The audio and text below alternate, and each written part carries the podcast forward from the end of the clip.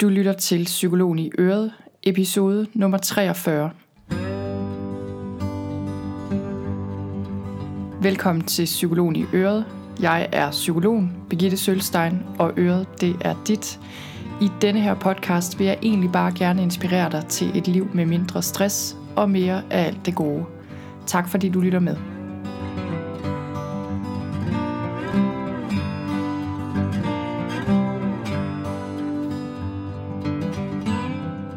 Velkommen til episoden i dag, som er et interview med Louise Ørstrøm om tro og stress. Louise Ørstrøm hun er kendt med i litteraturvidenskab, hun er gymnasielærer, og så er hun også forfatter. Louise har skrevet romanen Efter Rosinen. Den udkom i 2010 og fik mange roser.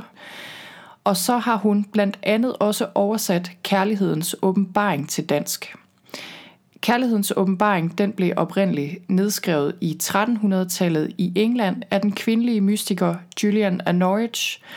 Og Julian hun beskrev en række mystiske visioner, hun havde haft, da hun lå meget syg. Og Louise Ørstrøm, hun har også lavet en podcast med udgangspunkt i Julian af Norwich, og den podcast den hedder Julian. I interviewet i dag, der taler vi om Louises egen historie. Vi taler om tro og stress og forskellen på religion og mystik og andre rigtig spændende ting.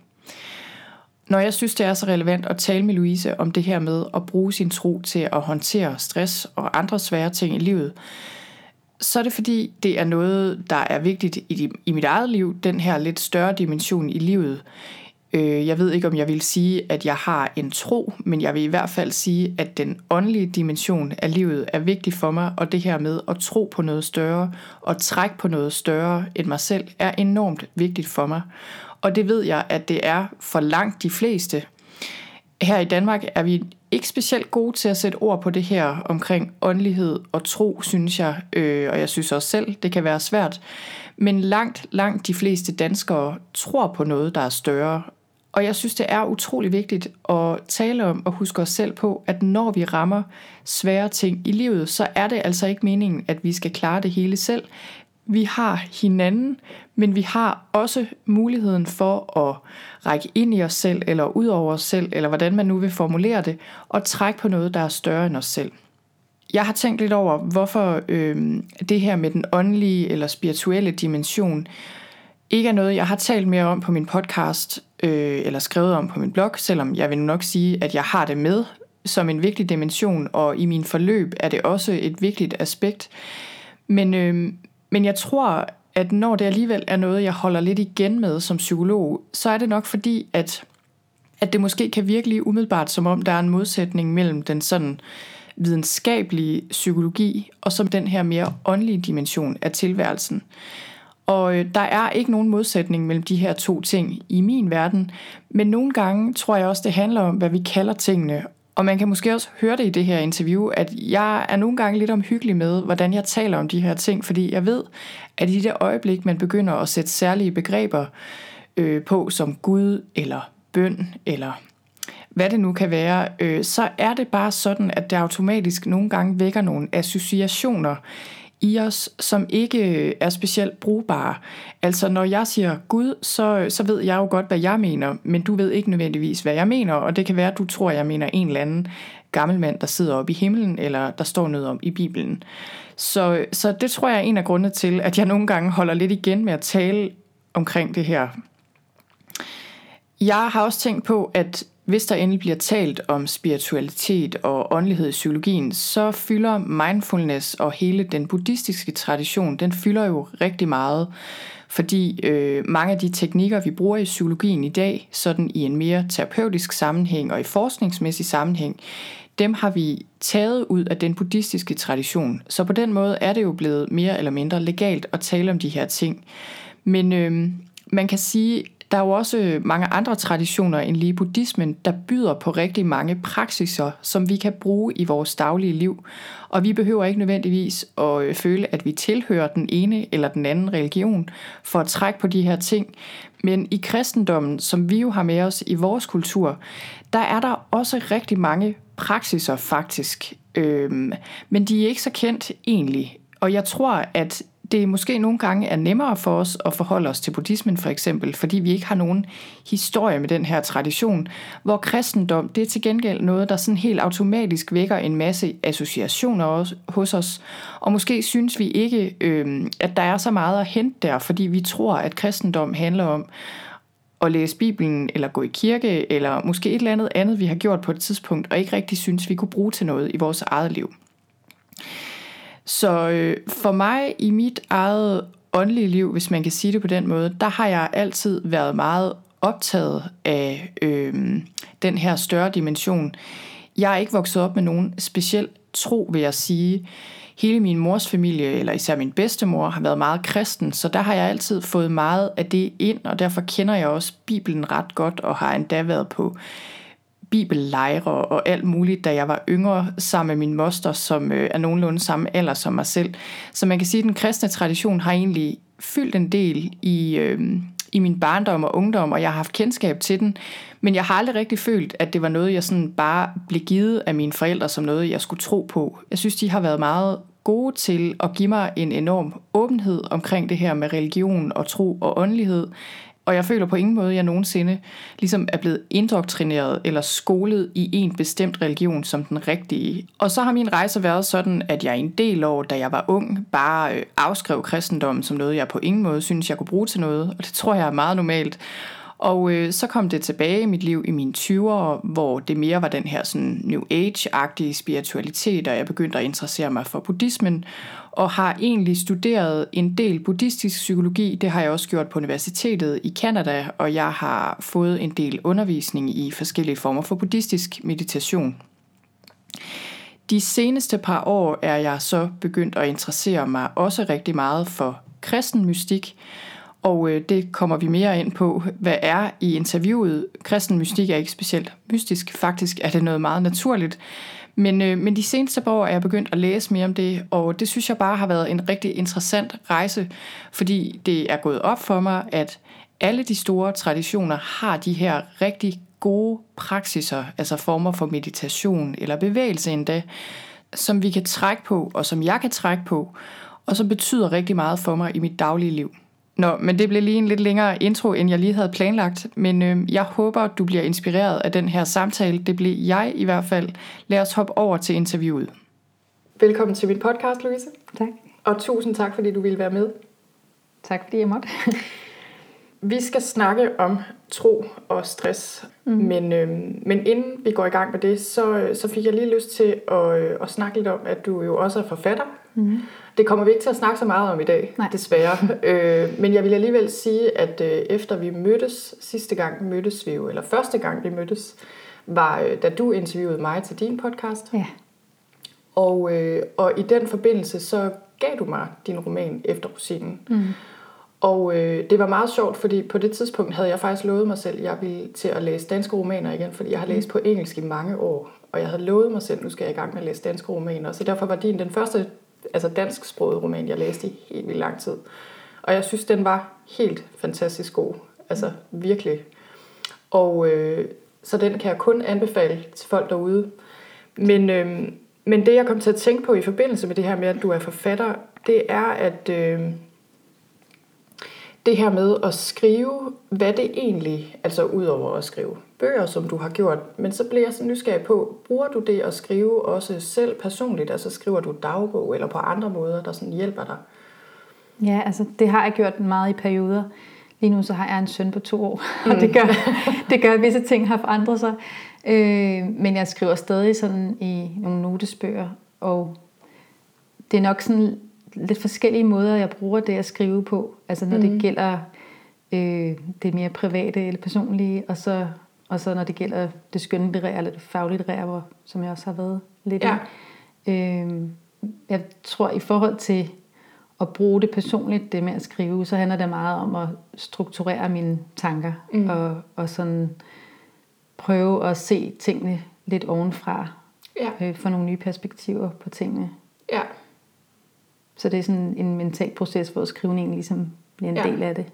Er det noget, du altid har gjort, det her med at skrive? Altså måske både at skrive historier, men også at skrive for dig selv? Eller hvordan er det ligesom kommet ind i billedet? Jamen, det har jeg faktisk altid gjort. Altså lige siden jeg kunne skrive, har jeg skrevet små historier ja. og øh, også dagbog. Ja. Ja. ja. Noget jeg faktisk også kom til at tænke på, øh, eller blev nysgerrig på, med i forhold til det her at skrive, er det sådan, når du skriver, altså når du skriver for dig selv, og ligesom du siger, du prøver at få få styr på dine tanker. Altså det kan jeg godt genkende. Mm. Jeg synes også tit, det er sådan, jeg selv bruger det at skrive for mig selv. Er det sådan, du også føler, at du kan bruge det til at komme i kontakt med noget større? Altså nu her, lige om lidt skal vi jo til at tale lidt mere om tro. Ja. Føler du det? Altså er det også en kanal ind til det for dig? Ja, helt sikkert. Det er det. Øhm, altså når jeg siger det der med at strukturere mine tanker, så det er ikke fordi, jeg synes, at alle mine tanker skal i schema. Men, men det er egentlig bare en måde at øh, samle tankerne lidt på, tror mm. jeg. Og øh, ja, også i forhold til mine tanker om det religiøse eller om mm. tro. Ja. Altså, vi skal jo tale om tro i dag. Det er en af grundene mm. til, at jeg er kommet. Øhm, ja. Og også om det, man kunne kalde, jeg ved ikke, om du, hvad du vil kalde det, men sådan de der lidt mere mystiske sider af tilværelsen. Ja. øhm, og jeg tænkte lidt over, da jeg forberedte mig i dag, det sagde jeg også til dig lige for lidt siden, inden vi tændte for mikrofonen, der, der, øh, der sagde jeg til dig, at det her har faktisk været et af de sværeste interviews, jeg skulle forberede mig til, ja. fordi det er vildt svært at sætte ord på det her med det mystiske, eller med tro, eller hvad man nu skal kalde det. Mm. Øhm, og jeg læste i en bog, jeg har derhjemme om mystik, altså om kristen mystik, der står der noget med, at det der med at beskrive det mystiske, det svarer lidt til at prøve at hælde kærlighed på en flaske. Ja. Altså det kan man bare ikke. ja. men, øh, men jeg tænker, nu prøver vi alligevel. Så det jeg egentlig gerne ville starte med, det var at høre lidt ind til din historie. Fordi jeg ved, at øh, efter Rosinen, din roman, den handler jo om en kvinde, som mister sit barn, eller et mm. forældrepar, der mister øh, deres barn. Og jeg ved, at den ikke er selvbiografisk, mm. men at du har været igennem ting i dit liv, ja. øh, hvor du også har måttet trække på, på noget større. Så jeg kunne egentlig rigtig godt tænke mig at høre lidt om din historie med ja. det. Altså, ja, efter rosinen er ikke selvbiografisk, men, men jeg har klart været i den der choktilstand, eller krisetilstand, eller depressiv tilstand, øh, uanset hvad man vil kalde det. Og for mig, der, øh, der startede mødet med, med stress. Vi talte også lige om før, da, før mikrofonen blev tændt, om det her med, at nogle gange så er det nemmere at kalde ting stress end depression. Mm. Og for mig startede ja. det også med stress, men det, det blev en depression. Øh, og det skete... det ofte gør. Ja. Altså de to ting hænger sammen for rigtig mange mennesker. Ja, præcis. Mm. Øh, men for mit vedkommende, der, øh, der skete det meget tidligt i mit liv. Jeg var kun 22, mm. øh, og jeg vidste først slet ikke, hvad det var, der foregik med mig. Øh, det var i 2003, og jeg havde arbejdet øh, på en lokal tv-station, og arbejdet rigtig meget, og været frivillig i mange forskellige projekter, øh, samtidig med, at jeg havde et universitetsstudie, og, mm. og det havde egentlig været, når jeg senere kiggede tilbage på det, kunne jeg godt se, at det egentlig havde været sådan ret karakteristisk for også mine teenageår og gymnasieårene, at jeg altid havde haft mange bolde i luften. Ja. Øh, og jeg har altid sådan defineret, altså, måske mere eller mindre ubevidst, men tænkt, at jeg havde været en type, der bare godt kunne lide at have mange bolde i luften, mm. og bare engagere mig i mange ting, var sådan, ja, meget engageret i forskellige ting, og også havde et ret stort socialt netværk og mange ting. Øh, og så lige pludselig i sommeren 2003, så altså det skete næsten fra den ene dag til den anden, at jeg kunne pludselig ikke noget. Mm. Så jeg lå bare på sofaen og græd. Ja. og, og jeg var, øh, på det tidspunkt boede jeg i Odense, hvor jeg havde det journalistjob, jeg havde. Øh, men var på ferie hjemme hos mine forældre, og så var det ligesom i ferien, hvor, det, hvor jeg egentlig bare var på besøg hos dem, at det hele blev for meget. Ja. Øh, og det, der var ret kendetegnende øh, der, det var, at, at jeg ikke vidste, hvad der foregik. Ja. Jeg havde ikke hørt særlig meget om stress eller depression. Sådan. Så jeg vidste ikke, hvad der skete med mig. Det ja. føltes nærmest som en fysisk ting først. Altså, jeg det kan... er det jo også på mange ja. måder, ikke? når kroppen og hjernen lukker ned. Ja, det, mm. det, det, det var det jo også, altså, at jeg ikke havde noget energi i kroppen. Jeg kunne også godt mærke, at det ikke var en sygdom på den måde. Mm. Øh, men, men jeg kunne ikke forstå, hvad der skete mm. med mig. øh, så øh, var der sådan en lang afklaringsperiode, vil jeg kalde det. Hvor jeg simpelthen blev nødt til at melde fra Ja. Øh, både på mit job og alle de ting, jeg var engageret i. Øh, jeg holder sådan en pause fra mit studie. Hvad tænkte du, hvad tænkte du om det på det tidspunkt? Altså jeg kan godt, øh, jeg tænker helt klart, et er at blive ramt af stress og angst og depression, eller hvad man nu bliver ramt af. Noget andet er at blive ramt af det, og så ikke vide, hvad det er. Altså det kan ja. næsten være halvdelen af det. Ikke? Og, øh, og jeg kommer også lige til at tænke på, på det her tidspunkt, var stress jo heller ikke, jo ikke noget, vi snakkede så meget om på det Nej. tidspunkt alligevel. Øh, men hvad, kan du huske, hvad du tænkte om det? Øhm, jeg kan bare huske, at det var, det er derfor, jeg måske også vil kalde det sådan en slags choktilstand, fordi at, at det var meget markant, mm. en meget markant forandring. Øhm, det, der hjalp mig rigtig meget, det var, at jeg havde en tidligere, eller har en tidligere efterskolelærer, som var den eneste, jeg kendte, som jeg vidste, at havde været igennem noget, der mindede ja. om. Og hende ringede jeg til, og det okay. hjalp rigtig meget. Ja. Øh, for hun kunne sætte nogle ord på det, og også sige til mig, at jeg ikke skulle behøve at gøre en masse. Ja. Og så efterfølgende, så fik jeg selvfølgelig noget psykologhjælp, og øh, prøvede på flere måder at forstå, hvad det var, der var sket. Mm. Øh, men jeg tror, du har ret i, eller det er i hvert fald sådan noget, jeg selv har tænkt, og der har jeg været lidt i tvivl om, det bare var noget med min alder at gøre på det tidspunkt, hvor jeg ikke, hvor jeg, jeg ikke kendte så mange, der havde øh, der talte om stress, men, men det kan også godt være, det var noget med perioden. Der var i hvert fald ikke så ja. meget fokus på det. Jeg kan huske, den, en af de første, jeg talte med, altså psykologer, øh, han sagde til mig, at mange af de symptomer, jeg havde, og den træthed og nærmest udbrændthed, jeg havde, den, den mindede om, om noget, som mænd i 50'erne kunne opleve. Mm. øh, og det er ikke fordi, jeg siger, at det, at det behøver at være aldersbestemt eller kønsbestemt eller noget som helst. Men øh, at det var meget tidligt i mit liv, mm. at jeg havde det sådan. Mm. Og det var egentlig også, det har jeg siden tænkt på, at det gjorde også, at mine 20'er blev meget anderledes end mange andre ja. øh, jævnaldernes. Og jeg tit følte mig lidt ved siden af, fordi ja. at jeg synes selvom, at jeg fik det godt igen, øh, så havde jeg en, eller har jeg, vil jeg nok hellere sige det i nutid, en følsomhed over for stress. Ja. Og øh, også det depressiv, som har gjort, at der har været flere perioder faktisk, hvor det er vendt tilbage på nye måder, og så har jeg jo ligesom vidst, hvad det var, og ja. også prøvet at tage mine forholdsregler. Men øh, jeg tror, når man har oplevet sådan en periode, hvor, hvor man er i, i et mørke, Mm. Øh, der, øh, det har jeg i hvert fald talt med mange om siden, at det er ligesom noget, man har med sig på en ja. eller anden måde. Ja. En alvor Ja, på godt og på ondt, ikke? Ja, ikke fordi man ikke kan blive glad igen. Øh, det er jeg også nu, og det har jeg også øh, været øh, altså i de længste perioder. Ja. men, men det, at man har set den anden side af livet, det, det tror jeg gør rigtig meget med måden, man både ser sig selv og andre på. Mm. Ja. Hvor lang var den cirka den periode der, den første der? Altså, var det måneder og år? Ja, det så, der, der, der er så ude i noget, det er rigtig svært at svare på, synes jeg, fordi at egentlig så skete der det, at efter et halvt år, hvor jeg prøvede at komme til kræfterne igen, og jeg var også ude at rejse for at få et helt andet perspektiv på tingene og sådan noget, så, øh, så gjorde jeg faktisk det, at jeg fik et andet journalistjob i mm. København, og så skete det samme efter et mm. halvt år. Og det var noget med, at jeg ligesom kom i gang for tidligt. Øh, mm. og, og jeg tror også, jeg er en person, som øh, har både den fordel og ulempe i mig, at jeg er, har nogle ambitioner og nogle ønsker, og, og det var også en glæde for mig, da det kom igen. Jeg havde lyst til at lave ting, jeg havde lyst til at skabe ting, og så fik ja. jeg tilbudt et job, som jeg synes lød rigtig spændende, og så tænkte jeg, nu kan jeg sætte grænser, jeg kan sige nej, og jeg har mm. lært at passe på mig selv. Og så kunne jeg godt mærke efter et halvt års tid, at jeg var inde i nogle af de samme mønstre mm. igen. Det skammede jeg mig lidt over først, at jeg ikke havde kunne se, men, men jeg tror også bare, det er en lang proces at forstå og lære ja. sig selv at kende og sine egne ja. begrænsninger. Så, så på den måde, så, så var det en kortere periode, men det blev en længere periode. Ja.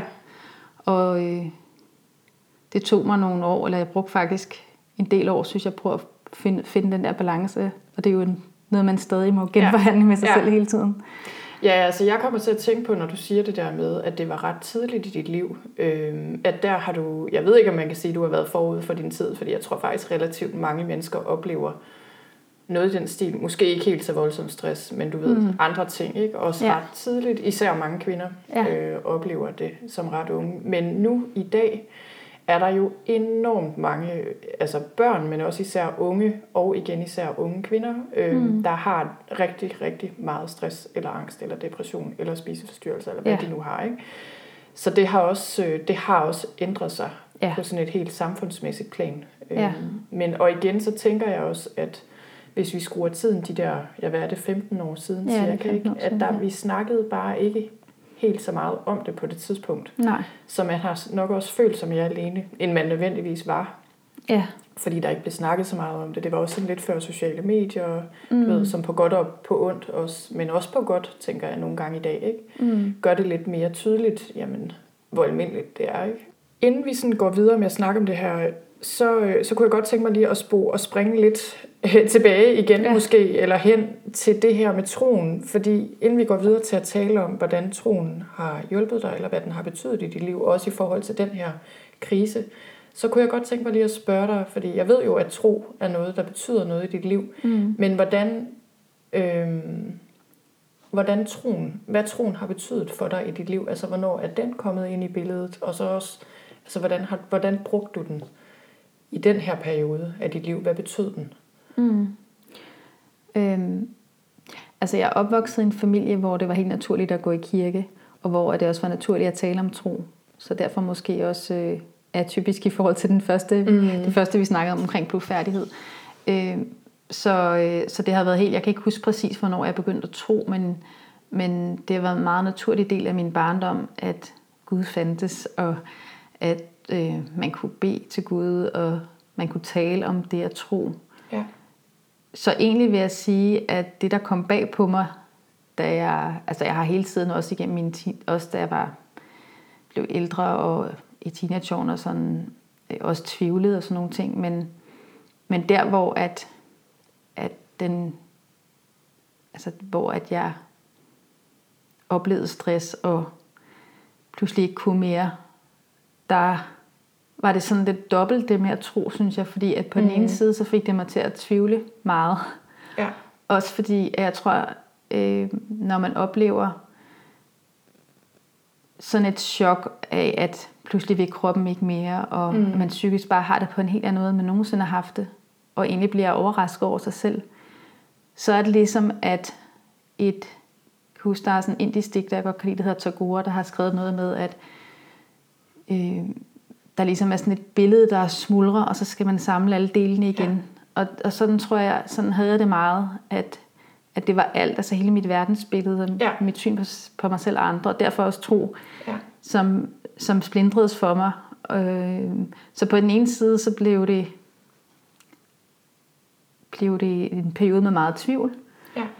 Og på den anden side, så var det også en periode, hvor at det gav mig et eller andet grundlag for at tro på, at der, eller ligesom min tro på, at der er en anden dimension, mm. hvor det er lige meget, hvad jeg præsterer, og det er lige meget, hvordan andre ser mig, men mm. at jeg er elsket for at være. Ja. Øh, så det var sådan en dobbelthed i det der, ja. med at jeg på den ene side tvivlede meget mere, end jeg nogensinde havde tvivlet, og på den anden side hvilede meget mere i mm. min tro. Vil du sige, det ændrede din tro, eller hvad? Ja, meget. Det gjorde det? Det gjorde det, ja. ja. Så hvad var, hvad var det, der skete med den? Den fik en anden dybde, ja. vil jeg sige. Og så var der mange... Altså, der var jo en... Jeg er vokset i en frikirke, og der var en bestemt måde, man talte om Gud på, og mm. så tingene på der, som jeg lige pludselig ikke rigtig kunne bruge det så meget. Okay. Så jeg blev faktisk nødt til at søge lidt nogle andre ord for ja. troen og nogle andre steder.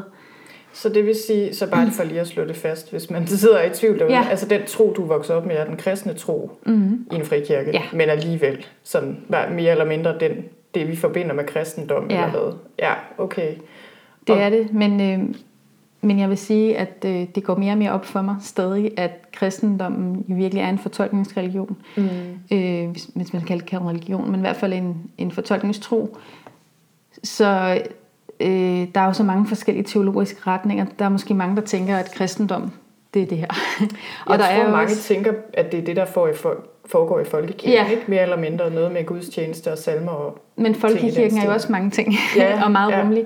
Så, så øh, det, der gik op for mig der, det var faktisk for alvor, at der var så mange måder at, at tale om Gud på. Mm. Og jeg er opvokset i en tradition, hvor at man øh, talte, altså hvor det positive havde meget at sige. Mm. Øh, det vil sige, det handlede meget om glæden ved at tro og øh, det, nogen kalder positiv teologi. Altså man, man, man taler om, hvad Gud er, og øh, er meget eksplicit omkring det. Ja. Det er måske lidt, lidt udansk og øh, lidt mere amerikansk ja. på en måde, at man definerer taler meget om, om troen, er meget åben og Ja, det lyder faktisk ret udansk. ja, og, det, og det, det var den tradition, jeg ligesom var vokset op i.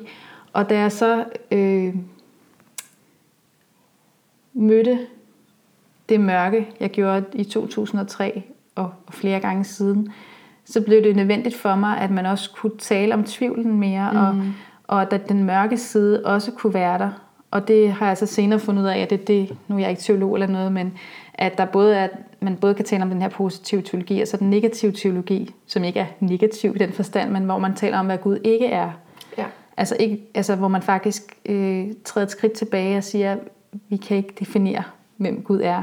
Så vi kan kun tale om, hvad han ikke er. Ja. Når vi farer vildt.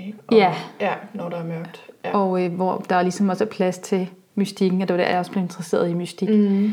Fordi der ligesom var et andet sprog, også inden for kristendommen, men i en anden tradition, hvor, der, hvor jeg synes, der var mere plads til at, at være i det mørke, og, ja. og være undrende og søgende. Ja, altså jeg kommer lige til at tænke på, når du siger det, øh, jeg har også været interesseret i kristen mystik i nogle år nu, og har jeg blandt andet læst en bog af en, der hedder Richard Rohr, og den bog hedder Everything Belongs. Ja. Og den titel kan jeg bare enormt godt lide, øh, fordi jeg synes, det, han siger noget om det der med netop, det hele hører med. Altså ja. vi kan ikke ligesom bare sortere en del af livet fra, eller tænke, nej, det hører ikke med, eller det er forkert, hvis vi bliver ramt af stress, eller mm. hvis vi bliver deprimeret, så er det ligesom ikke rigtigt, men det hele hører med. Var det, så, var det sådan noget i den stil? Altså var det, var det sådan, du også havde det, at nej, vi må, jeg skal ligesom... Det lyder som om, at du havde du mødte den her, altså, du havde den her krise og oplevede de her ting i dit liv, som ikke rigtig ligesom kunne rummes i det, du var blevet præsenteret for indtil videre. Ja. Og du havde simpelthen brug for at få en tro, eller udvide det på en måde. Ja. Er det sådan, du oplevede det? Ja, var det det, der skete? det var det ja. faktisk. Ja. Mm. Så øh, det her med mystik, det kunne jeg godt lige tænke mig at opholde mig lidt ved, ja. fordi øh, jeg ved ikke, hvor mange derude, der er vant til at høre ordet mystik, men for bare lige at slå det fast, hvad det er for noget. Altså, hvordan, hvad vil, hvordan vil du definere mystik, hvis man kan det? Altså, hvad er det for noget i, i forhold til for eksempel den her mere almindelige øh, etablerede religion, nogen måske er vant til at forbinde med kristendommen? Det er i hvert fald en tro på det her med, at Gud er større, og han ikke kan forstås udelukkende med forstanden. Ja. Eller følelserne for den sags skyld, men han altid vil være større mm. end, end, end vores egen fatteevne. Øhm, og så er der jo nogle mystikere, nogle mennesker, der har haft nogle religiøse åbenbaringer eller erfaringer, øh, som de har skrevet om, hvor at der ligesom er den her øh, udgangspunktet øh, er, at Gud altid er større, og at man prøver at beskrive nogle ting, som man egentlig ikke kan men egentlig samtidig siger, at man ikke kan beskrive. Så der er også sådan en dobbelthed, at man på den ene side prøver at udtrykke noget, og på den anden side hele tiden gør opmærksom på, at det er større end ord, ja. og at der i virkeligheden er noget, der bliver nødt til at være usagt, ja. øh, og som vi aldrig kommer til at forstå helt. Ja. Nogle taler også om det her med den skjulte og den ombarede Gud. Ja. At, øh, at der er de to sider. Ja, altså jeg, for mig tror jeg også noget af det, jeg forbinder med mystik, det er, øh, det er måske lidt det samme, du siger, men det der med sådan den der direkte erfaret, altså de oplevelser, man selv har direkte mm. med det guddommelige, eller det, der er større, eller hvad vi nu skal kalde det, mm. versus måske bare at læse om det i en bog, eller høre om det fra andre, eller du ved, gå i kirke, og, altså de her ydre rammer, der også kan være om religion. Øh, fordi man kan sige, mystikken, altså det er jo ikke, der findes ikke kun kristen mystik, man kan Nej. sige, der er mystik i alle de større religioner. Ikke? Mm. Der er mystik i islam, jødedommen, der hedder det kabbalaen og så videre. Mm. Ikke? Og så er der så den kristne mystik. Øhm, og jeg tror bare for mig, altså når jeg også blev meget interesseret i mystikken, og da jeg ligesom opdagede den her for nogle år siden, så var det meget det der med det meget udogmatiske, og det sådan meget øh, også psykologiske i det på en måde. Ikke? Det der Ja. med, at det faktisk er noget, der ændrer mig personligt, og noget, jeg mm. oplever selv. Ja. Øh, og det er ikke noget, jeg behøver at gå i kirke for at opleve eller bruge. Giver det mening? Ja, men altså, jeg tænker jo så, så også, at den der personlige religiøse erfaring, den er jeg også opvokset med. Mm. Altså uden at det blev kaldt mystik, eller, men, men at, øhm, at der kunne være en, en personlig religiøs erfaring. Så på den måde, så, så øhm, den undren og den plads til en forståelse af, at, at man kun har set et lille hjørne, mm. Den er vigtig i hvert fald. Ja, ja, og det der med, at den, ja, som du også selv siger, det går ud over det rationelle. Altså, det er ikke noget, vi sådan kan begribe mm. vores intellekt. Ja. Så tilbage til øh, stress, skulle jeg lige til at sige. Fordi øh, altså når jeg gerne, når jeg synes, det kunne være så spændende at få den her snak i dag, så var det jo også fordi, sidst vi mødtes, fortalte du lige sådan meget kort øh, om dine egne oplevelser, og det her med, at du også havde brugt din tro. Ja. Og det, jeg synes er så interessant, det er, at øh, der er jo rigtig, rigtig mange mennesker, som bliver ramt af stress eller andre depression eller andre former for indre krise. Mm. Øh, men det her med at bruge sin tro eller trække på noget, der er større end en selv, det synes jeg ikke er noget, vi snakker så meget om. Nej. Øh, selvom jeg kan høre, at du er vokset op i en Ja. familie og en tradition, hvor der bliver snakket meget om det, så tænker jeg, at det er virkelig undtagelsen. Ja. Fordi jeg tror, at det om muligt er et af de største tabuer, der overhovedet findes herhjemme. Ja. Til trods for, at de fleste danskere har en tro, mm. ved man, når man sådan spørger dem. Så øh, vil du sige lidt om, hvad din tro betød, og hvordan du brugte din tro til at komme igennem den her krise, og ja, stadig bruger den? Ja, altså jeg vil sige, jeg har jo også som sagt gået til psykolog og, og fået meget andet øh, hjælp, men, men jeg ser det også sådan lidt, at der er nogle forskellige dimensioner. Ja, Øh, der er en psykologisk dimension, men der er også en åndelig dimension. ja, Og der har det i hvert fald øh, været og er meget vigtigt for mig, at jeg ved, at der er et sted, hvor jeg er, er rummet af en større godhed og en, mm. en større kærlighed, øh, og hvor det netop ikke handler om, at jeg skal gøre mig fortjent til den kærlighed, men at jeg øh, kan hvile i den. Altså det, man i kristendommen kalder nåden. Og så er det jo samtidig heller ikke kun en hvilen, men jeg synes også, at det at have det rum og, og tro og, og, og at bøn kan være en del af ens liv, også kan udfordre mig mm. øh, og få mig til at se tingene i et andet perspektiv. ja, Og det, det har det egentlig gjort. Øhm, altså både det der med den hvilen helt eksistentielt, at, at jeg ikke er nogen, fordi jeg er noget, mm. men at jeg er elsket, som jeg er, og så samtidig, at jeg kan blive udfordret af, fordi det nogle gange også, den, den tankegang faktisk kan udfordre meget af det samfund, vi lever Ja. i. At det kan også være udfordrende at holde fast i den tankegang i mødet med alt det meget, man ja. skal kunne i det her som konkurrencesamfund. Ja, det kan blive sådan lidt, fordi jeg tænker, det, det, jeg tænker helt klart, det er samfundets idealer, der, øh, der betyder noget der. Men samfundets idealer bliver også meget hurtigt til vores egen indre stemme. Ikke? Jo. Jeg tænker, der kan det nogle gange være meget svært at skelne, hvad er ligesom vores eget ego, eller den der indre kritiker, der bare pisker os rundt i manesien og synes, vi skal alt muligt for at være gode nok. Ja. Altså der er sådan ligesom, der er sådan en flydende overgang, tror jeg, mellem det og så samfundets idealer, ikke? Selvfølgelig, jo. fordi vi jo vokset op i samfundet og omgivet af det hele tiden. Øhm, og det, der, det her, du beskriver med den her, altså du kalder det den her godhed eller kærlighed, og det der, og nåden kalder du det, som jeg synes er sådan et virkelig smukt øh, begreb. Men, men, men det, det er også for mig, det er jo ikke bare et begreb eller en idé, man tænker på. Altså det er jo virkelig den der oplevelse, mm. og, øh, og noget, der rent faktisk, tror jeg, og har jeg set, synes jeg, i mit eget liv, og også i andre menneskers liv, det er virkelig noget, der kan ændre noget. Altså det kan virkelig ændre os, eller gøre en forskel for os. Ja. Det er ikke for at underkende mit eget fag, jeg er også psykolog, men jeg, men jeg tænker, at nogle gange, når vi går til psykolog, så er det nogle gange lidt med den der intention om, nu skal jeg fixes. Altså, Ja. jeg har fået stress, jeg kan ikke passe mit arbejde, det er noget rod. nu skal jeg til psykolog, så jeg kan få fikset det her, så jeg igen kan komme ud og præstere i verden. Mm. Hvilket der selvfølgelig er al god grund til at ville. Det er klart, det er jo ikke det. Men det er bare, der er sådan en, en hårfin balance, øh, hvor det også kan blive noget med netop, når med mindre jeg får det her fikset, så er jeg bare ikke god nok. Mm. Øh, så, så den der terapi eller de her psykologsamtaler også lidt kan blive sådan en mission om, at nu skal jeg bare ændre mig selv, eller du ved, øh, det her er bare ikke godt nok. Så det lidt kan blive øh, ja, sådan en del af den der jagt på, at man skal blive perfekt. Ikke? Øh, mm. Så det kan blive lidt uhensigtsmæssigt på den måde. Ja, og det kan også være uoverskueligt, øh, synes jeg i hvert fald. Jeg har talt med flere psykologer, og det har også den grund, at psykologer har alle mulige forskellige tilgange. Mm. Når man er helt ny i at være krise, hvis man skal mm. sige det mm. sådan, så, så tror man bare, en psykolog er en psykolog. Ja, det gør jeg i hvert fald. Men, øh, men så taler man med forskellige psykologer og finder ud af, at de har også forskellige tilgange, mm. og nogen har måske lidt mere quick fix tilgang, end ja. andre har. Men at, øh, at det kan også, synes jeg faktisk, være ret opslidende i en fase, hvor, øh, eller en periode af ens liv, hvor man i forvejen er meget tappet for energi. At ja. man skal prøve man, det kan også føles som en præstation selv at skulle finde den rigtige hjælp. Ja. Og selv at skulle ja, præstere sig til at blive ja. til at have det godt igen. Ja, og, og hvad vil det sige at have det godt igen? Ja. Det er også et stort spørgsmål, synes jeg. Øhm, og jeg, jeg var faktisk øh, en psykolog, som jeg endte med at gå hos, og som jeg var meget glad for.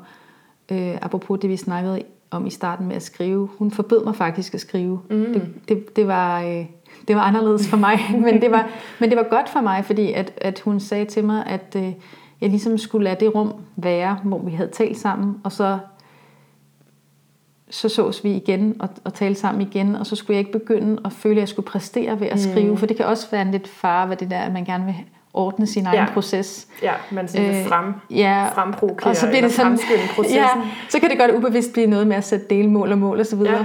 uden at, at det måske har været hensigten. Så det var egentlig et godt, det var egentlig et godt råd til mig.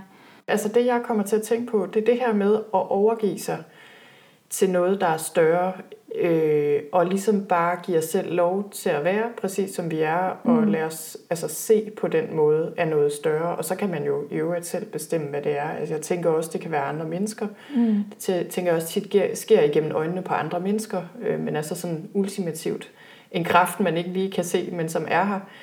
Jeg tænker, der ligger noget i det, som er ufattelig svært for de fleste af os, og jeg tror, at nogle gange øh, gør vi det først, når vi vidderligt ikke har andre muligheder. Ja. Altså netop, som du siger, du oplevede den her virkelig voldsomme overgang fra at kunne det hele, lyder det til. Du kunne mm. rigtig meget, var enormt kompetent, og så kunne du bare ingenting. Mm. Øhm, og jeg tror bare, at øh, det er selvfølgelig ikke en særlig rar situation. Det er jo rigtig skræmmende. På den anden side, så tror jeg bare, at det er der mange af os skal hen, mm. før vi giver os selv lov til, eller før altså, vi simpelthen bliver nødt til at overgive os på den der måde og netop åbne os op for ja, nåden, eller hvad man nu skal kalde det. Mm. Er det også sådan, du har oplevet det i dit eget liv, eller hvad? Ja, og jeg vil egentlig sige, at jeg, nu, når, nu når vi taler om det, så kommer jeg også til at tænke på, at den choktilstand eller krisetilstand, som man kan finde, pludselig kan finde sig selv i, der bliver der er det jo ikke kun den religiøse tro, der er det ligesom alt det, man tror på, mm-hmm. der, der ja. kommer op i luften. Og på en måde bliver man bevidst om, at man har troet på ting, man ikke vidste, man havde troet på, hvis ja. man skal sige det sådan. Ja. Og det, for mig var det derfor også en lang afklaringsproces, øh, hvor jeg ligesom skulle finde ud af, hvad havde med kirken at gøre, jeg havde gået i, og min tro at gøre, men hvad havde også med ja, samfundet at gøre, mm. og min egen idealer, om altså mine egne idealer. Så det, det er jo en blanding af rigtig mange ting. Og der tænker jeg egentlig, det, jeg op, har også oplevet den blufærdighed, du, du tidligere talte om, i forhold til at tale om, om tro hos rigtig mange. Og på en måde, jeg oplever den også selv i forhold til, at da jeg var barn og teenager, hvor at jeg kom i den her kirke, hvor man var meget eksplicit omkring at tale om tro, der øh, blev jeg nok ligesom skolet lidt i at være meget eksplicit omkring mm. det. Og så er jeg blevet mere og mere famlende, vil jeg sige. Men det har også noget at gøre med, at jeg stadig ser mig selv som søgende. Det gjorde mm. jeg ikke mm. dengang, tror jeg ikke. Mm. Jeg ser mig, jeg, jeg tror, jeg, jeg definerer mig klart som kristen, og, men jeg ser ikke det at have en tro som at have fundet alt ultimativt. Mm. Jeg ser det mere som et sted at søge ud fra, netop fordi, at jeg er blevet så bevidst om, at der er så meget i teologien, bare i, i kristen teologi, som man kan undersøge og udforske, og også en slags måske ydmyghed over for, at, at jeg kan måske forstå en lille bitte del af sandheden, og så kan ja. du forstå en anden, og det ja. behøver ikke have noget at gøre med, om du er kristen eller ej, men jeg tror egentlig, at alle mennesker ser noget forskelligt. Ja. Og derfor bliver det sværere og sværere at, ja. at finde ordene. Fordi jeg, jeg tror hele tiden, jeg er bange for at blive for kategorisk, ja. når jeg taler om det. Derfor har jeg også været spændt ja. på at tale med dig om ja. det. Fordi det er ikke noget, jeg, jeg flover mig overhovedet ikke over at en tro, og det betyder meget for mig. Jeg har ikke noget problem med at tale om det, men jeg er nok mere bange for at være for kategorisk omkring ja. det. Fordi at jeg, jeg har en respekt for den enkelte vej, og jeg vil også gerne øh, ikke sige, at her er svaret ja. eller noget, men, ja. men kan jo kun sige, hvordan jeg selv har det. Ja. Altså jeg kan genkende det fuldstændig, og jeg kan også mærke det, mens vi snakker her, ikke? det der med, at det er enormt svært at sætte ord på det her. Ja. Og jeg kommer sådan til at tænke på, jeg ved ikke, om jeg husker rigtigt, at det var Sokrates, der sagde det der med, jo mere man ved, jo mere ved man, man ikke ved. Ja. Altså det er lidt det der med, når ting begynder at åbne sig, så øh, bliver der flere og flere af de der sandheder, man måske var overbevist om før, ikke? Øh, eller doktriner, eller hvad det nu kan være, ikke? hvor man føler, at nu ved jeg, hvordan det hænger sammen, og det er sådan her, mit verdensbillede ser ud, eller ja. det er sådan her, jeg opfatter Gud, eller det er det her, det betyder, det der står i det nye testamente, eller hvad det nu er, ikke? altså de der sådan mentale overbevisninger, mm. at dem får man mere og mere øjnene op for, at det er bare det, det er, altså det er bare en fortolkning, og der er egentlig ikke altså en sand eller en usand. Det er ligesom bare, der er forskellige fortolkninger. Mm. Og dybest set øh, er det bare enormt svært at, at sætte ord på. Øh, altså igen, den bog der om kristen mystik, jeg nævnte lige før, som jeg har læst i, øh, der stod der øh, et citat fra Bibelen, det var Paulus, der sagde, beskrev det her guddommelige som noget med øh, Guds fred, som overgår al forstand. Ja. Jeg ved ikke helt, hvordan man siger det på dansk, men altså på jeg engelsk. tror faktisk, det er meget præcis. Er det sådan, man står, siger ja. det på dansk? Ja, det stod på engelsk. Og, og da jeg læste det, så, så forstod, så fik det mig til at tænke på det der med, ja, Guds fred kunne vi kalde det. Vi kunne også kalde det alt muligt andet. Folk kalder det, tænker jeg, tusind forskellige ting. Mm. Øh, men det der med, at den overgår al forstand, det er sådan meget bogstaveligt forstand, den gør det altså på den måde. Vi kan simpelthen ikke forstå den, og vi kan heller ikke mm. beskrive den med ord. Mm. Øh, det betyder ikke, at den ikke er der. Den er meget virkelig, ja. men den er bare enormt svær at få sådan hånd om, og ja. det, man kan ikke sætte den på formel. Mm. Og, øh, og derfor føler jeg også meget, at det her, det handler meget om, øh, nu sagde du det der med, at at du ser dig selv som mere egentlig som søgende, måske, end som en, der sådan lige kan formulere alle svarene. Mm. At, øh, at for mig, altså det jeg selv oplever i mig selv, det er også, det handler mere om sådan en åbenhed, mm. jeg har, så kunne man kalde det i hjertet, eller jeg ved ikke helt, hvor jeg har den, både mm. i sindet måske også, ikke, men også i hjertet, som er der, som er enormt svært at definere, men det er mere det, det er, øh, mm. end det er noget som helst andet. Jeg, jeg tænker tit, at øh, en af grundene til, at jeg også tror, at mange eller det har jeg i hvert fald tænkt over, at måske mange danskere er blevet færdige for, i forhold til at tale om tro, det er også fordi, dem, der får plads i medierne, det er meget konservative kristne. Mm. Øh, dem, der ikke har så mange nuancer. Og så er der relativisterne, vil jeg sige, som, hvor, hvor, hvor, der, hvor der er en eller anden, øh, det kan være ateister, eller det kan være andre, der ikke vil have noget med det religiøse at gøre, der, der siger, at alt er det samme. Ja. Jeg mener ikke, alt er det samme. Altså, der er en grund til, at jeg er kristen, og ikke noget andet. Men det betyder bare ikke, at jeg er fuldstændig kategorisk med, øh, hvordan det hele skal forstås. Altså jeg tror på trosbekendelsen, mm. men jeg er øh, også åben over for, at sådan som jeg tænker om det lige nu, kan det være om nogle år. Og det er jo, når man så har haft en oplevelse, hvor det hele er vendt hulter til bulter. Mm. så pludselig, så kan man ikke længere sige, om fem år tænker jeg på samme måde. Men det betyder heller ikke, at at der ikke er nogen ting, jeg tror på. Sådan. Ja. Så det, jeg synes faktisk, nogle gange, det kan være et svært sted at være, det der midtersted, og det er også et, øh, som nævnt, et sted, jeg ikke synes bliver talesat nok. Ja. Fordi at det netop, vi har en medievirkelighed, hvor man skal råbe meget højt for at blive hørt. Jeg har nogle gange spurgt præster, som jeg kender, som jeg synes har en meget mere nuanceret holdning til tingene. Hvorfor, hvorfor er der aldrig et essay af jer i de her mm. aviser? Eller sådan? Men de bliver jo ikke spurgt, og de får ikke taletid, fordi Nej. det er mere interessant med de hurtige overskrifter. Ja. Og det, det synes jeg er enormt ærgerligt, fordi jeg tror egentlig, at hvis der var mere plads til, at man talte om det her sted midt imellem, hvor at der er flere nuancer, så tror jeg måske også, der vil være flere, der vil ture Ja. og, øh, og tale om tro. Ja, Jamen, jeg tror, du har fuldstændig ret, og man kan sige, jeg tror, når mange siger, Nå, men øh, jeg tror ikke på Gud, eller på Jesus, eller det, der står i Bibelen, så tror jeg, mange, det de mener, det er, jeg tror ikke, der sidder en mand oppe i himlen og bestemmer det hele, eller mm. et eller andet i den stil, ikke? Og, og det gør jeg jo heller ikke, og det er jeg også sikker på, at du ikke gør. Mm. Altså, det er det der med, at det bliver enormt øh, unuanceret, og sådan en meget primitiv måde at forstå tingene på, eller meget gammeldags måde, kunne man kalde det, ikke? som måske Ja. de færreste rigtig kan bruge til noget. Ja, det, Øhm. og det er jo hele den der nyartisme, som jeg også øh, synes er en tro i sig selv, en meget fundamentalistisk tro faktisk. Jeg så sådan noget, der hedder Intelligence Squared, som er ret interessant, synes jeg, hvor de har forskellige panel, sådan nogle paneldeltagere, der, der diskuterer forskellige ting. Jeg, nu kan jeg ikke huske, om det bliver dem tit sammen, Dawkins og Hitchens, men det var en af dem. Det, det er en ældre optagelse, men hvor at, øh, en af de her nye ateister øh, havde en lang tale, der handlede om, hvorfor Gud eksisterede. Og så kom ærkebiskoppen af Canterbury på bagefter, og så startede han med at sige, at den Gud, du taler om, tror jeg heller ikke på. Mm. Og det synes jeg var så tankevækkende, fordi at det er jo netop det der med at sætte hinanden i nogle kasser, øhm, Ja. og så bliver det fuldstændig karikeret. Ja, ja. Nu hvor vi taler om mystik, så ved jeg jo, at øh, en mystiker, som du har været meget optaget af, det er Juliana Norwich, ja. øh, som du endda har oversat til dansk og har beskæftiget dig rigtig meget med. Ja. Øh, så hvis vi lige sådan skulle tage udgangspunkt i hende, og det, jeg synes, det kunne være meget interessant, fordi det kan også være, at der er nogen, der sidder og tænker derude, om okay, altså, hvad er, hvad er det overhovedet, vi snakker om her?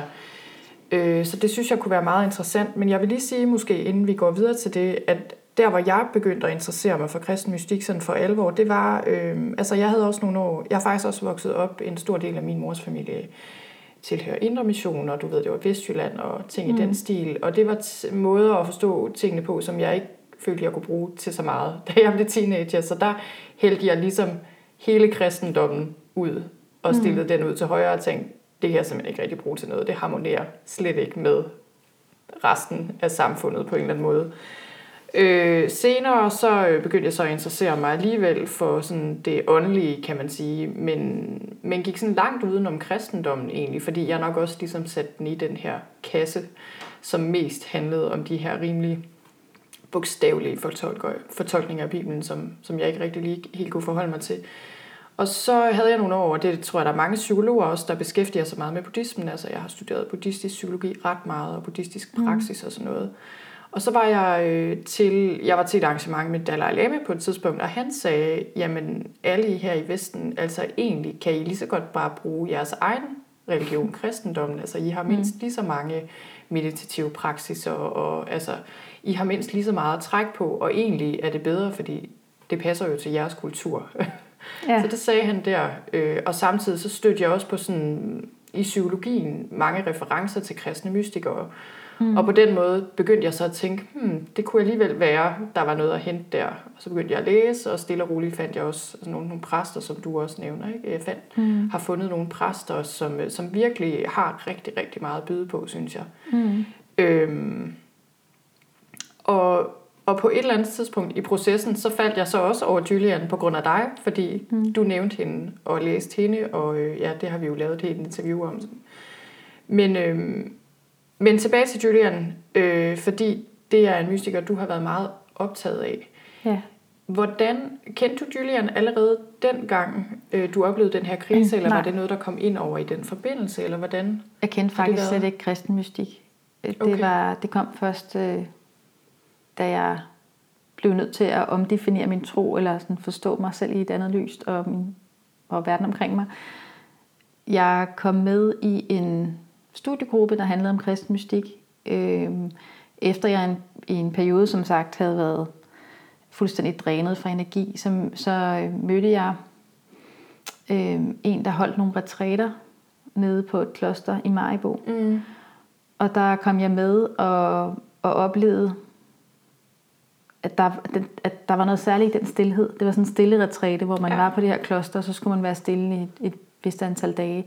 Og der havde de et bibliotek, hvor der var masser af, af kristne mystikere, Mm. som jeg så blev optaget af og begyndte at læse. Øh, og så på et tidspunkt, øh, ja, så kom jeg med i den her studiegruppe, og så på et tidspunkt, så læste jeg, altså fortsatte jeg min, jeg har læst litteraturvidenskab, og der genoptog jeg mine studier, der havde fået det bedre, og var så et halvt år i Canada, hvor jeg skulle læse øh, som sådan en udveksling. Og der havde jeg et fag, der hed Early Women's Writings, øh, hvor at Julian var den første, vi skulle læse, mm. fordi man mener, hun er den første kvinde, der har skrevet en engelsk, ja. engelsk prosaværk. Og øh, det var faktisk første, jeg havde hørt, fordi jeg så havde læst om kristen mystik, så havde jeg hørt hendes navn omtalt, men jeg havde ikke læst hendes tekster. Så det gjorde jeg der i øh, 2007, da jeg var i Canada. Og der i forhold til, altså jeg har også været glad for at læse øh, om nogle af de andre mystikere, og i det hele taget enormt glad for at få udvidet min horisont mm. og mit perspektiv på, hvad det vil, hvordan man kan tale om, ja. om den kristne tro. Men hos hende, der fandt jeg en stemme, som, som rørte mig virkelig meget, som virkelig rørte mig um, personligt, fordi jeg kunne genkende mig selv i hendes stemme, hvis man skal sige det sådan. Mm. Øh, hun fik nogle visioner, da hun troede, hun skulle dø, da hun var omkring 30, og det var i slutningen af 1300-tallet, så det er jo mange, mange år siden. Og dem skriver hun om i, i sine tekster. Men det, jeg godt kunne relatere til, det var jo dels hendes altså religiøse erfaringer, ikke, ikke specifikt dem, hun havde, men, men det, at hun, hun øh, taler meget om Guds kærlighed og kristi kærlighed på, på mm. korset osv. Men lige så meget, at der var så meget plads til tvivl mm. og frustration over kirken, at det, det rørte mig meget, at der var en, en kvinde allerede i 1300-tallet, som egentlig havde øh, tumlet med nogle af de samme ting, som jeg havde. Altså det der med, hvad stiller man op med, at man tror, at Gud er kærlighed, og Gud er godhed, og så ser man øh, kirken og også samfundet som sådan, og, mm. og det står på en måde i skærende kontrast til det. Øh, og det, det var det første, der sådan optog mig meget i hendes tekster. Ja, ja. Og ja, så hun er et eksempel på en mystiker. Øh, andre eksempler er jo, øh, nu ved jeg, at det kloster der, du var på, det var et Birgittinerkloster, ikke? Ja. Så den hellige Birgitta af Vadstena var vel et, ja. hun var, ville man ikke også sige, hun var mystiker, jo. eller hvad? Jo. Ja. Så hvad, nu ved jeg ikke lige, hvordan det var med Birgitta. Var det også visioner, hun havde? Ja. Eller hvordan? Ja. Det var det, ja. ja. Så typisk er det vel de her mystikere, der er sådan forskellige personer igennem historien, ikke? Der... Jo, og de er meget forskellige. Altså ja. nu bare Julian og Birgitta er meget, meget forskellige. Jeg har svært ved at relatere til Birgittas visioner mm. for eksempel, for jeg synes, de er meget præget af sådan en dommedagsforskrækkelse, som er noget af det, jeg gerne vil lægge afstand ja. øh, til.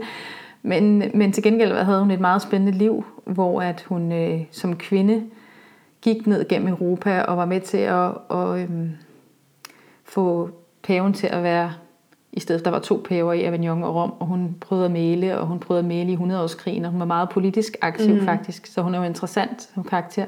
Men det er også der noget af det, der er spændende ved de mystikere, det tror jeg netop er det der med, at de i personlighed og i egentlig også tankesæt og sådan noget, er meget forskellige, mm. men er ligesom eksempler på mennesker, der har haft religiøse erfaringer gennem tiderne. Ja. Og det er jo også spændende, synes jeg i hvert fald, at læse om, øh, mennesker, som fortolker det meget forskelligt, ja. det at tro, og på hver sin måde har set det, jeg vil sige, en fli, mm. en fli af Gud. Ja. ja, og noget af det, jeg synes er så interessant, når man læser, nu det er ikke, fordi jeg skal fremstille mig selv som en, der har læst vidt og bredt, for det har jeg virkelig ikke, men jeg synes alligevel, jo mere jeg læser, både sådan af kristne mystikere, men også på tværs af andre traditioner, så er jo det der med, at man får den der fornemmelse alligevel, de taler jo om det samme. Altså det er jo mm. helt tydeligt, at den erfaring, de har haft, eller det, de har haft mere kontakt med, eller hvad man nu skal sige, at der er noget, der går igen. Øh, altså den her kærlighed og den godhed, øh, mm. det du også beskriver som Julian formidler, det går ligesom igen mange hos mange andre, så kan det godt være, at de formidler det på andre måder, øh, eller altså har haft på andre, i andre former eller på andre måder. Men alligevel øh, er der noget, der går igen, hvor, det, hvor de har haft de her direkte oplevelser ja. af noget, som de så formidler videre. Mm. Mm.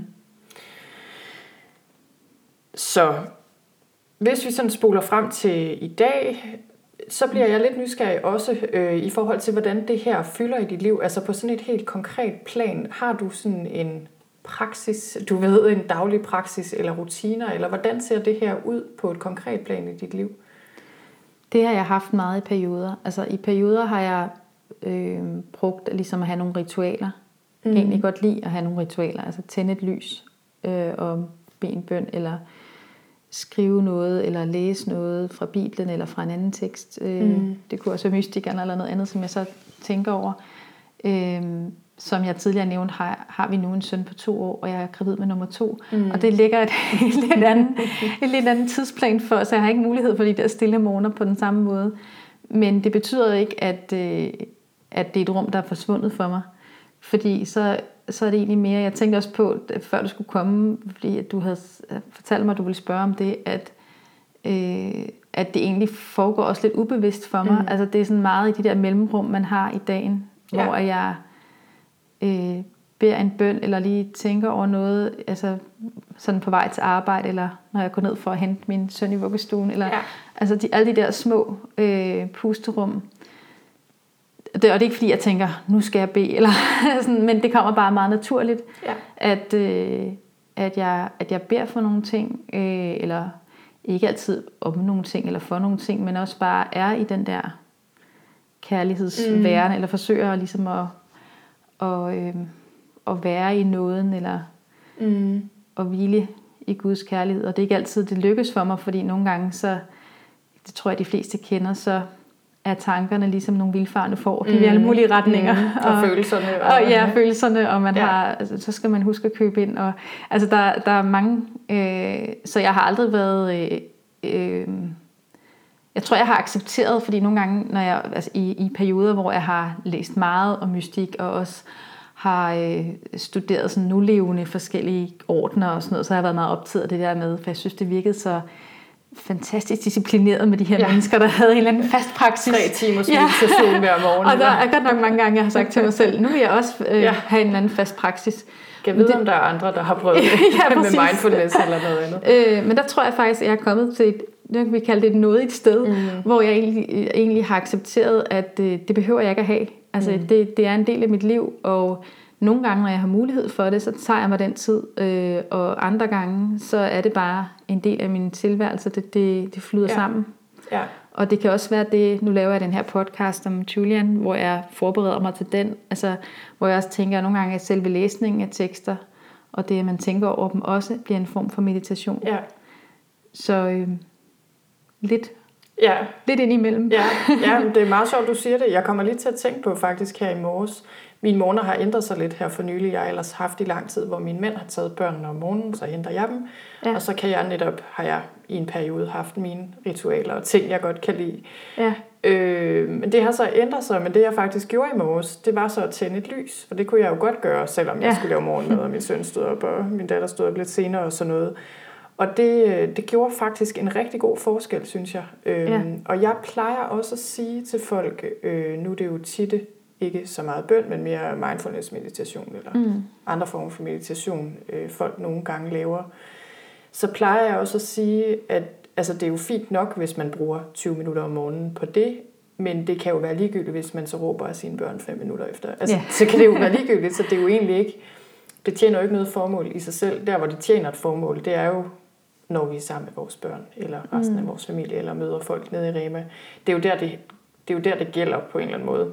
Ja. Og også i måden, vi behandler os selv på, selvfølgelig. Ja. Og så, øh, ja, så det der, du siger med, at egentlig er det mere en bevidsthed, du sådan har med dig, mm. det giver god mening. Og så, så tænker jeg i hvert fald for mit eget vedkommende, at det kan være, at der andre, der også har, øh, har haft nogle oplevelser med stress, der kan genkende det. Så, så kan jeg i hvert fald mærke i mig selv øh, nogle gange, at... Øh, at, at tingene går for hurtigt for mig, og jeg øh, og tankerne går for, går for hurtigt, og jeg føler en hel masse, og, og, og tingene bliver uoverskuelige, og så kan jeg så er der en side af mig, som bare har lyst til at løbe endnu hurtigere, mm. øh, hvor jeg tænker, så ja. det skal handles væk, og, og så ved jeg lidt godt, at der er den anden stille stemme, hvis man skal sige det sådan, der, øh, der skal lyttes til, ja. som, som, øh, som, hvor jeg egentlig har rigtig meget brug for det der rum. Øh, hvor at jeg må tage noget tid, hvor jeg er stille. Nogle gange sætter jeg mig også ned i en kirke og øh, lige er stille, eller går en tur eller noget mm. andet. Og der, der synes jeg faktisk tit, vi har også tidligere talt om det der med de mod, modstridende øh, tanker og følelser, man kan have, og også hvordan samfundet kan spille ind på den måde. Der, der oplever jeg i hvert fald meget tit, at øh, når jeg tror, jeg skal trykke på speederen, så skal jeg trykke på bremsen. Ja. Ja. lige præcis. At det netop kan være et tegn på, nå nej, nu skal jeg egentlig gøre det modsatte af nærmest, hvad, hvad jeg har lyst til. Ja. ja. Jeg tror, vi slutter af med det. Ja, Tusind tak, fordi jeg måtte komme. jamen tak for besøget. Og det var alt for nu. Jeg håber, du bliver inspireret af den her snak om tro og stress og mystik. Tusind tak, fordi du lyttede med. Vi høres ved.